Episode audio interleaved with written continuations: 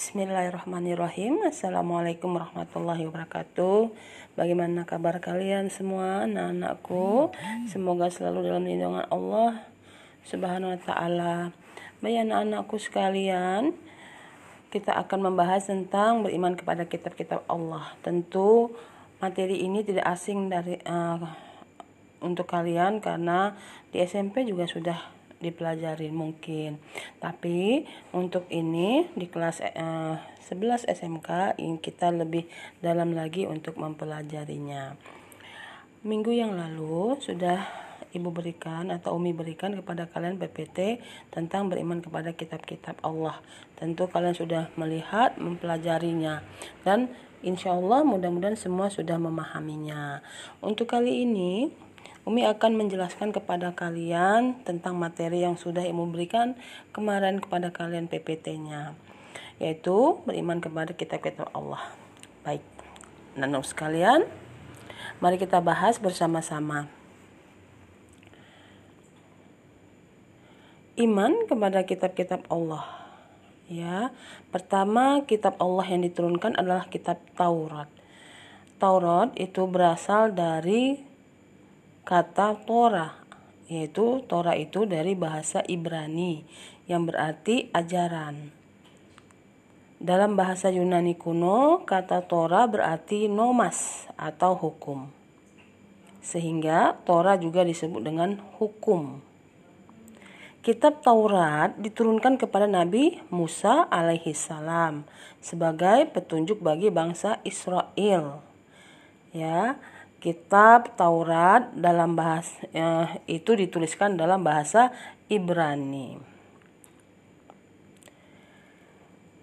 Kitab Taurat dipercaya sebagai firman Allah Ta'ala yang disampaikan secara langsung kepada Nabi Musa alaihissalam. Di mana disampaikan Allah kepada Nabi Musa yaitu di Gunung Sinai sebagaimana dijelaskan dalam Al-Qur'an surat Al-Isra yaitu surat ke-17 ayat 2. Kitab Taurat ini berisi syariat atau hukum dan kepercayaan yang benar kepada Allah atau tauhid. Ya. Nah, Taurat samping itu Taurat juga mempunyai isi tentang sejarah-sejarah nabi-nabi yang terdahulu hingga Nabi Musa alaihissalam dan kumpulan-kumpulan hukum lainnya. Itulah tentang kitab Taurat yaitu kitab yang diturunkan kepada Nabi Musa alaihissalam di bukit atau di gunung Sinai. Setelah itu kita masuk kepada kitab Jabur. Ya. Kitab Jabur berasal dari kata Jabur yaitu kata zabara yang berarti menulis dengan sempurna atau mengukir tulisan pada batu. Bentuk jamak dari jabara adalah jubur. Jabur dapat diartikan juga kitab suci yang diturunkan oleh Allah Subhanahu wa taala kepada nabinya.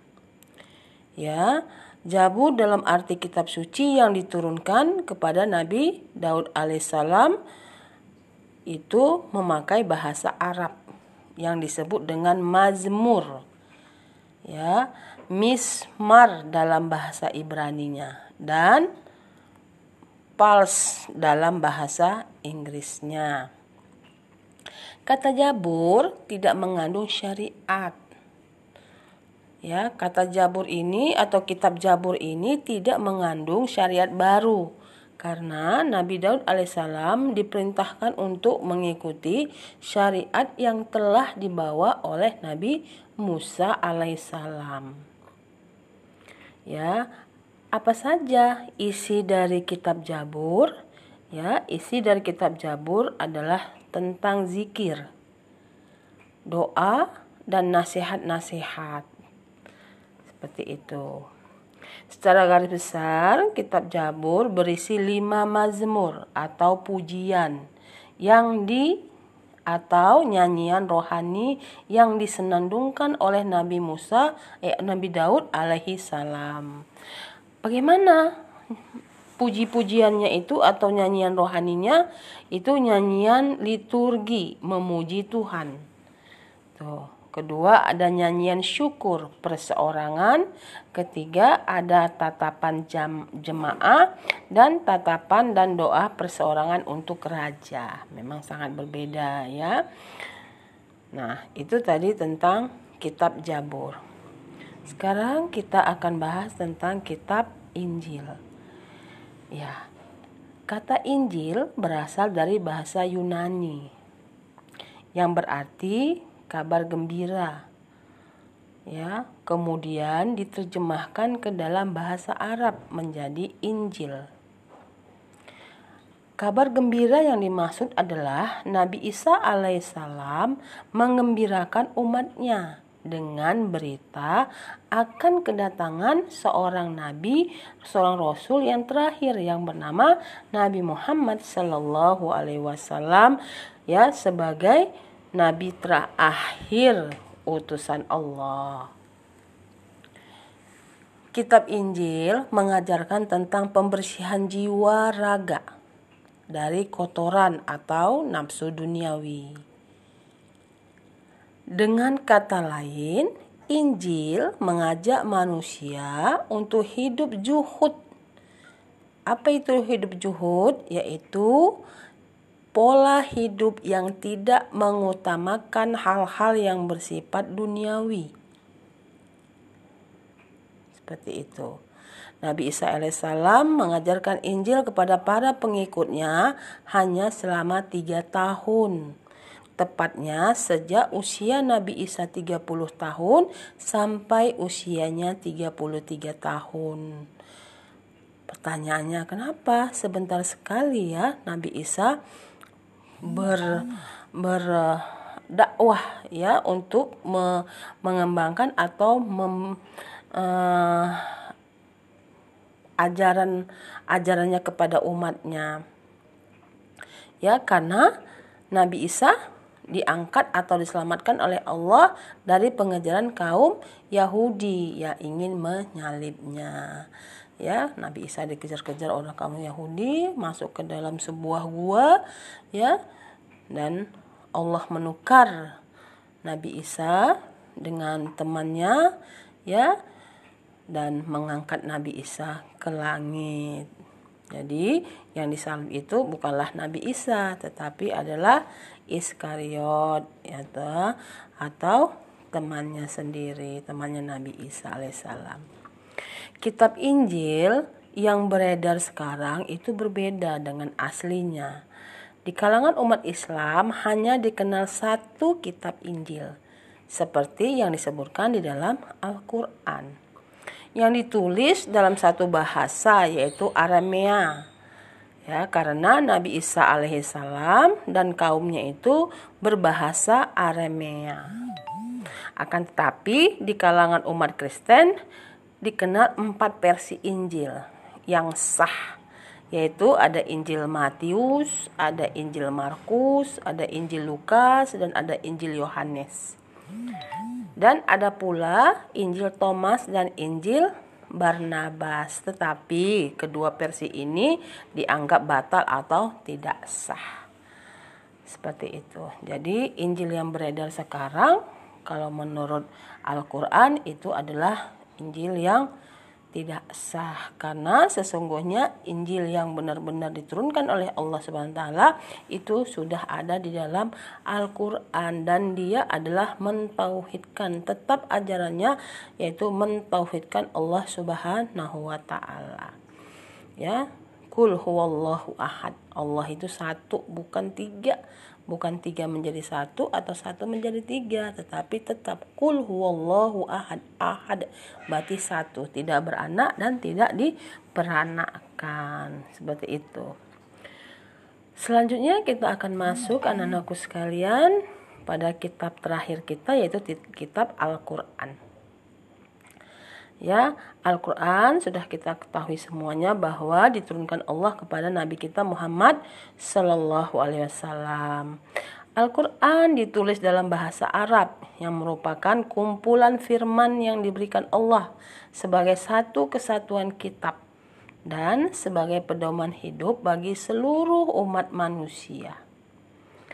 Al-Quran diturunkan kepada Nabi kita Muhammad Shallallahu Alaihi Wasallam dalam waktu 23 tahun. Ya, Al-Quran adalah kitab yang tidak ada keraguan di dalamnya, selalu terjaga dari kesalahan dan merupakan tuntunan dalam membentuk ketakwaan kepada Allah Subhanahu wa taala. Inna nahnu nanzalna zikra wa inna lahu laha fidin. Sesungguhnya nih Allah berkata ini, sesungguhnya Al-Quran itu aku yang menurunkan dan aku juga yang menjaganya. Jadi tidak ada yang bisa merubah Al-Quran siapa pun orangnya.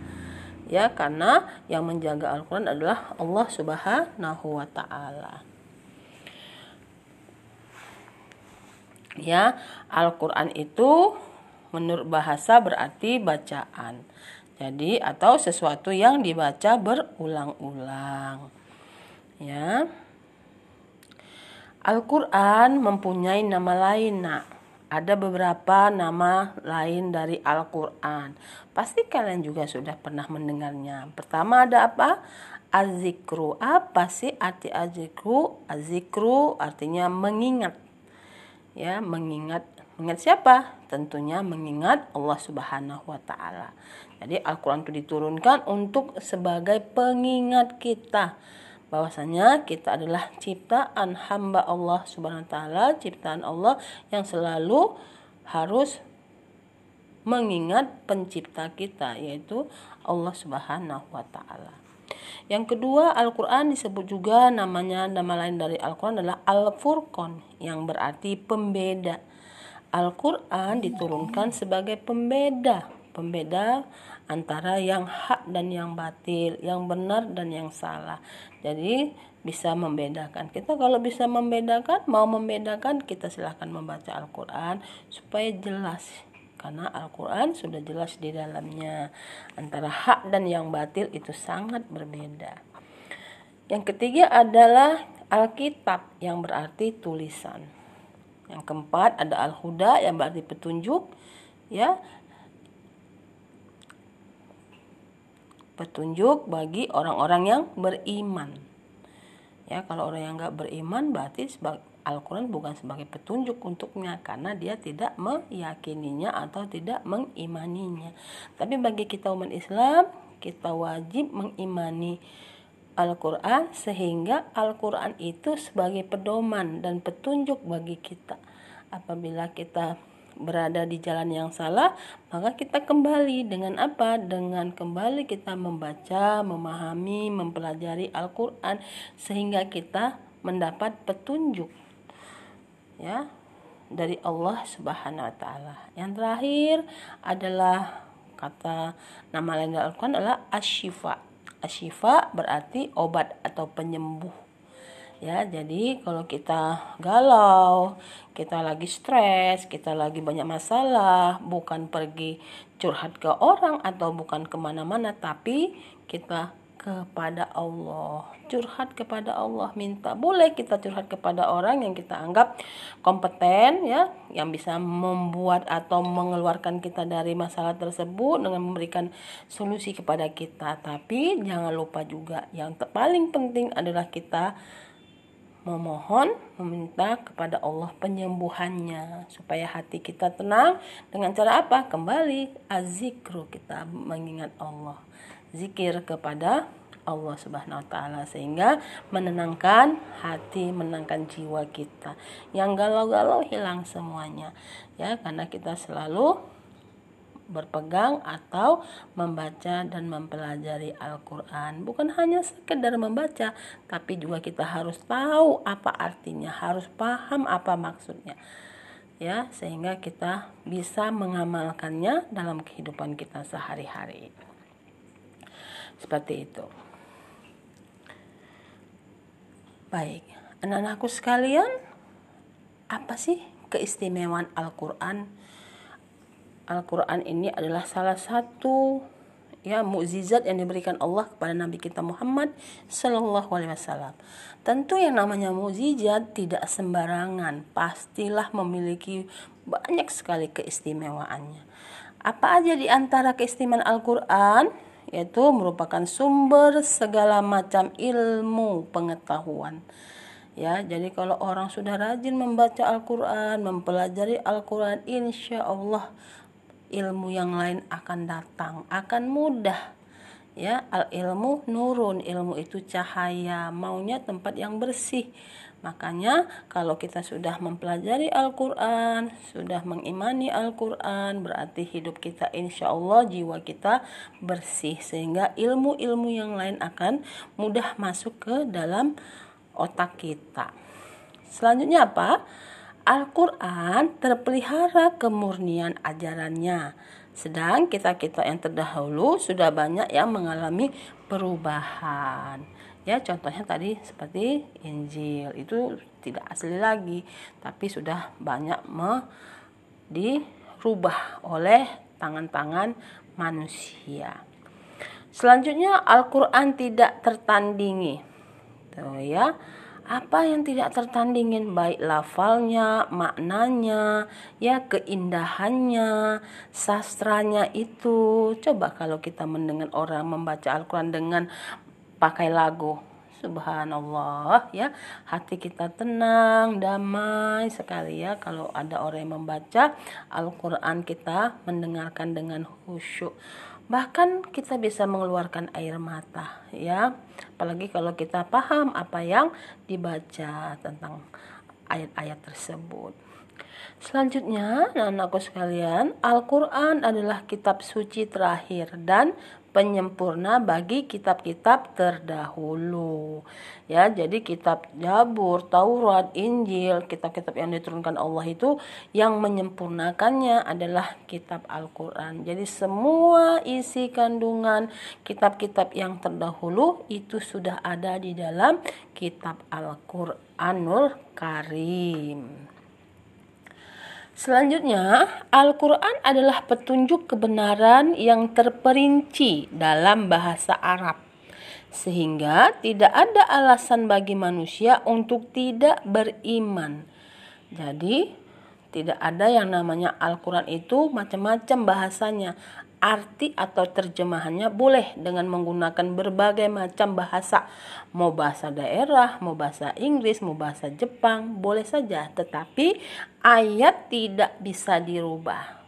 Ya, karena itu ayat sudah Allah yang memeliharanya. Semuanya Al-Quran dengan memakai bahasa Arab. Tidak ada yang memakai bahasa lain kecuali terjemahnya boleh menggunakan bahasa lain, tetapi untuk ayat-ayat itu tidak boleh dirubah dan tidak ada yang bisa merubahnya.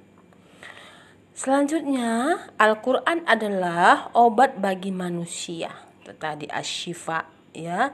Jadi kalau hati galau, cobalah nak ya ambil ulu sholat dua rakaat sholat sunnah ya kalian baca Al-Quran hati kita akan tenang, hati kita akan damai, tidak ada lagi tuh yang namanya resah, ya tidak ada namanya galau, semuanya bisa diatasi dengan membaca Al-Qur'an. Seperti itu.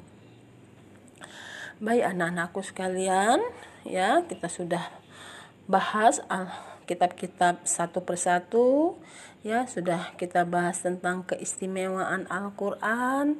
Nah, sekarang kita akan membahas tentang sejarah penulisan Al-Quran. ya, penulisan Al-Quran pada dasarnya sudah dimulai pada masa Rasulullah. Ya, ketika itu Rasulullah Shallallahu Alaihi Wasallam mendiktekan kepada para sahabatnya. Siapa itu? Ada Zain bin Sabit, ada Muawiyah bin Abi Sofyan, ya ini adalah dua orang yang penulis wahyu. Ya jadi kalau Rasulullah itu mendapat wahyu ya malaikat uh, menurunkan wahyunya Rasulullah langsung memanggil teman-temannya dan mendiktekan apa yang sudah diturunkan oleh malaikat Jibril kepadanya. Ya nah para penulis wahyu ya yang dua tadi menulis di lembaran-lembaran yang terbuat ada yang dari kulit, ya ada daun, ada tulang, ada pelepah kurma dan batu-batu tipis. Mereka menuliskan apa yang didiktekan oleh Rasulullah, mereka tuliskan itu. Ya, baik di batu, ada yang di kulit, ada yang di daun-daun, ya, ada yang di pelepah kurma, mereka tulis supaya tidak lupa, ya. Nah, pada masa pemerintahan Khalifah, Khalifah Abu Bakar As-Siddiq, terjadi perang Yamamah, ya. Perang Yamamah itu setelah Rasulullah wafat itu ya maka kekhalifahan dipimpin oleh Abu Bakar Siddiq ya terjadi perang Yamamah namanya yang mengakibatkan banyak sekali penghafal Al-Qur'an yang mati terbunuh di dalam perang tersebut ya akibat peristiwa tersebut Umar bin Khattab ya dan Abu Bakar merasa khawatir ya sebagian besar ayat Al-Quran akan hilang karena banyaknya penghafal Al-Quran yang gugur di dalam perang Yamamah tersebut. Akhirnya Umar berpikir untuk mengumpulkan Al-Quran yang masih terpisah-pisah. Ya, Umar memerintahkan Zaid bin Sabit untuk mengumpulkan dan menyusun Al-Quran. Pengumpulan Al-Quran yang dilakukan Zaid bin Sabit ini tidak berdasarkan hafalan saja, melainkan dikumpulkan terlebih dahulu yang tertulis di hadapan Rasulullah Shallallahu Alaihi Wasallam ya yaitu lembaran-lembaran Al-Quran tersebut diterima oleh dan disaksikan dipaparkan ya di depan orang dua orang saksi yang menyaksikan bahwa lembaran ini merupakan lembaran yang ditulis di hadapan Rasulullah pada saat Rasulullah masih hidup. Nah, sehingga tidak selembar pun diambil kecuali memenuhi dua syarat, yakni harus diperoleh secara tertulis dari salah seorang sahabat Nabi dan dihafal oleh salah seorang dari kalangan sahabat. Jadi tidak sembarangan orang yang menghafal ayat ya, tidak sembarangan karena ada kriterianya. Salah satunya orang-orang yang menghafal ayat itu tidak melakukan dosa. Ya, harus jujur dan banyak sekali kriteria kriteria kriteria kriterianya ya sehingga dia bisa dijadikan uh, penghafal Al-Qur'an. Nah, setelah Abu Bakar wafat, ya, setelah lembar-lembar itu dikumpulkan, Abu Bakar selama masih ya Abu Bakar masih hidup, maka lembaran-lembaran tersebut disimpan oleh Abu Bakar As-Siddiq. Setelah Abu Bakar Siddiq wafat, maka pindah ke tangan Umar bin Khattab. Selama hidupnya kemudian pindah tangan lagi ke tangan anaknya Umar bin Khattab yang bernama Hafsah binti Umar sesuai dengan wasiat Umar bin Khattab ya jadi pertama ya kumpulan-kumpulan ayat itu dipegang oleh Abu Bakar Siddiq. Nah, setelah itu maka dikumpulkan kembali mulailah penulisan Al-Qur'an ya dan dipegang oleh pada masa Umar bin Khattab dan dipegang Umar sampai dia wafat dan digantikan oleh anaknya yang bernama Hafsah binti Umar. Pada masa pemerintahan Utsman bin Affan, sahabat yang bernama Huzaifah bin ya Al-Yaman terkejut melihat adanya perbedaan dalam membaca Al-Qur'an. Ya, ini setelah masa pemerintahan Utsman bin Affan atau Khalifah Utsman bin Affan. Di wilayah-wilayah yang baru dibebaskan ya, karena ada pembebas ada hmm, uh, penyebaran agama Islam ya itu sampai kepada dunia di luar Arab ya itu maka ada perbedaan perbedaan dalam membaca membaca Al-Qur'an maka Huzaifah melihat penduduk Syam membaca Al-Quran dengan bacaan Ubay bin Ka'ab. Jadi Ubay membacanya seperti apa? Nah penduduk Syam itu membaca seperti itu. Begitu juga melihat penduduk Irak membaca Al-Quran dengan bacaan Abdullah bin Mas'ud. Jadi mereka berpegang uh, dengan bacaan seperti bacaan Abdullah bin Mas'ud. Bacaan yang tidak pernah didengar oleh penduduk Syam. Jadi antara penduduk Syam dengan penduduk Madiah Irak itu berbeda memba cara membaca Al-Qur'an. Nah, perbedaan bacaan tersebut juga terjadi antara penduduk Kufah dan penduduk Basrah. Ya, jadi di antara dunia Arab, Zazirah Arab saja cara membaca Al-Quran itu sangat berbeda-beda ya. Sehingga Utsman kemudian mengurus ya, mengutus mengutus seseorang kepada Hafsah agar ia mengirimkan lembaran-lembaran Al-Quran yang ada pada ada pada Utsman, yang ada padanya, yang ada pada Hafsah untuk diberikan kepada Utsman. Nah, Utsman disalin oleh Utsman disalin ke dalam beberapa mushaf. Nah, Hafsah mengirimkan lembar-lembaran Al-Quran tersebut yang disimpannya dari masa Abu Bakar Siddiq dan Umar. Ya, maka Hafsah memberikan lembar-lembar Al-Quran itu kepada Utsman bin Affan. Utsman memerintahkan Zaid bin Sabit Abdullah bin Zubair, Said bin Al-As, dan Abdurrahman bin Haris untuk menyalin ke dalam beberapa mushaf. Nah, dan mendiktekan yang mendiktekan tadi ini kan mushafnya sudah dikumpulkan ini ya dari Hafsah diberikan kepada Utsman. Maka Utsman mengumpulkan sahabat-sahabatnya tadi untuk me nyalinnya ya dari beberapa musab-musab tersebut. Nah, yang siapa yang mendiktekannya yaitu Said bin Al-As dan yang menulis Al-Qur'annya Zaid bin Sabit. Semua dilakukan di hadapan para sahabat. Jadi sahabat semua menyaksikan yang masih hidup pada saat itu ya tentang penulisan Al-Qur'an. Setelah selesai, Utsman mengirimkan salinan-salin mushaf ke seluruh wilayah agar tujuannya adalah agar orang-orang tidak berbeda lagi dalam membaca Al-Qur'an. Nah, jumlah salinannya sebanyak tujuh buah ya. Jadi ada tujuh salinan yang dikirim ke kota ada yang ke kota Mekah, kota Syam, kota Yaman, kota Bahrain, kota Basrah, kota Kufah, dan kota Madinah. Nah, musnad inilah yang kemudian dikenal dengan nama Mushab Utsmani. Sampai sekarang masih ada ya Mushab Utsmani. Utsman kemudian memerintahkan agar Al-Qur'an yang ditulis bertentangan Al-Qur'an yang ditulis bertentangan dengan mushaf Utsmani ya yang mutawatir mutawatir itu sudah tingkat kesohihannya tingkat kebenarannya itu sudah sangat tinggi ya sudah sudah tidak ada keraguannya lagi. Itu untuk dibakar. Jadi supaya tidak ada lagi tuh mushaf mushaf Al-Qur'an yang cara membacanya tadi berbeda-beda semuanya dimusnahkan atau dibakar. Hanya yang tersisa adalah mushab usmani yang mutawatir.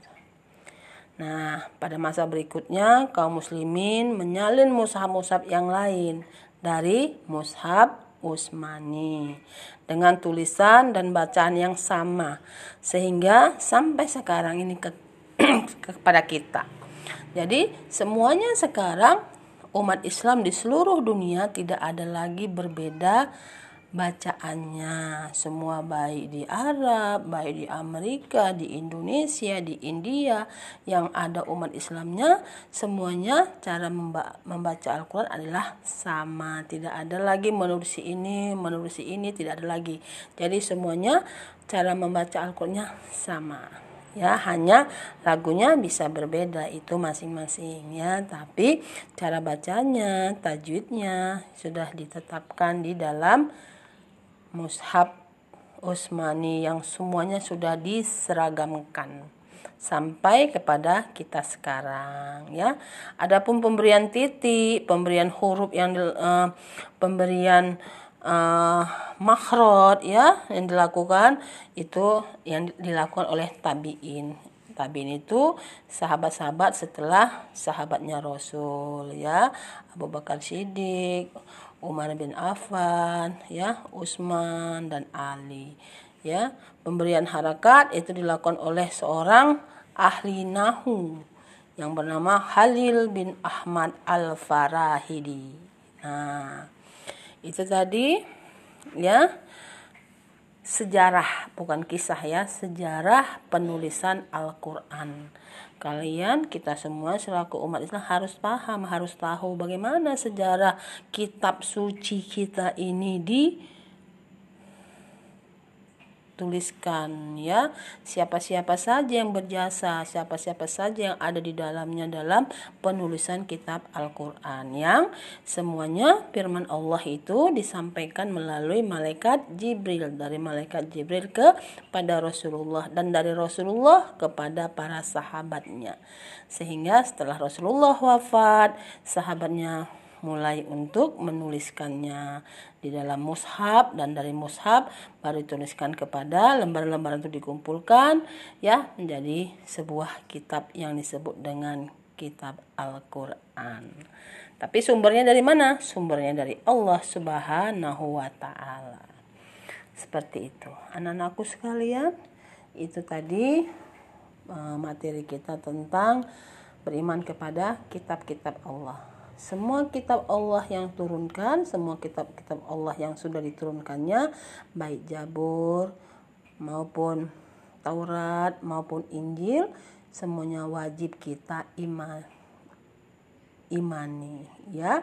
Tapi penyempurnanya adalah Al-Qur'an yang wajib kita imanin bukan hanya imani tapi kita amalkan ya kalau kitab-kitab yang ter, yang terdahulu kita tidak wajib mengamalkannya karena memang bukan untuk kita.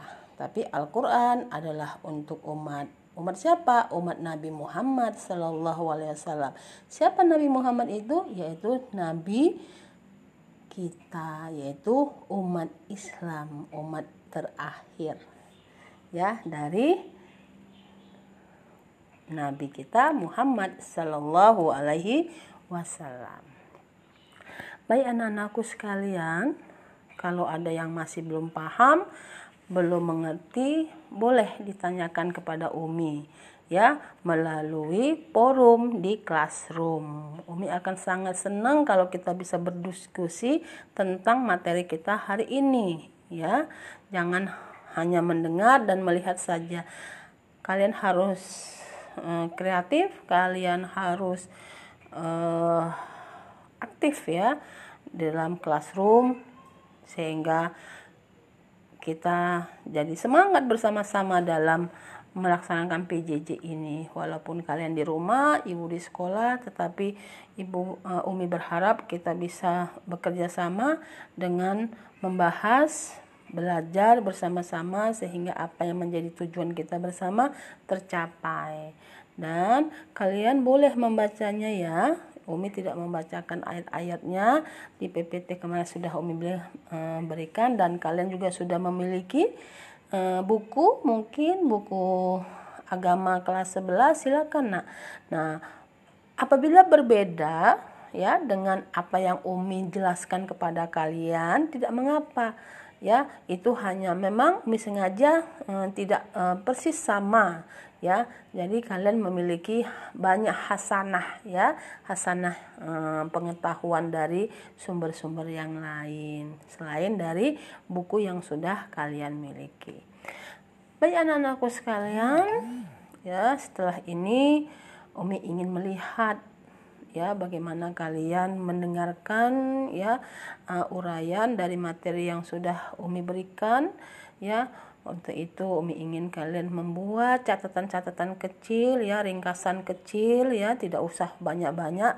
Yang namanya ringkasan. Silahkan kalian meringkas ya dari materi kita hari ini. Dari yang minggu lalu sampai sekarang kalian akan meringkas ya beriman kepada kitab-kitab Allah dan kirimkan seperti biasa di uh, classroom ya sampai di sini mudah-mudahan ilmu yang Umi berikan bermanfaat menjadi ilmu dunia dan akhirat untuk kalian dan untuk Umi juga pribadi sekian anak-anakku sekalian jaga tetap keimanan kita Jangan lupa sholat lima waktu dan membaca Al-Quran. Assalamualaikum warahmatullahi wabarakatuh.